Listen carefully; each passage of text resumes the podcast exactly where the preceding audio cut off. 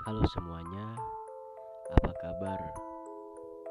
Semoga selalu dalam keadaan sehat dan tetap menjaga kesehatan. Walaupun di masa pandemi seperti ini, kehadiran mereka akan selalu ada.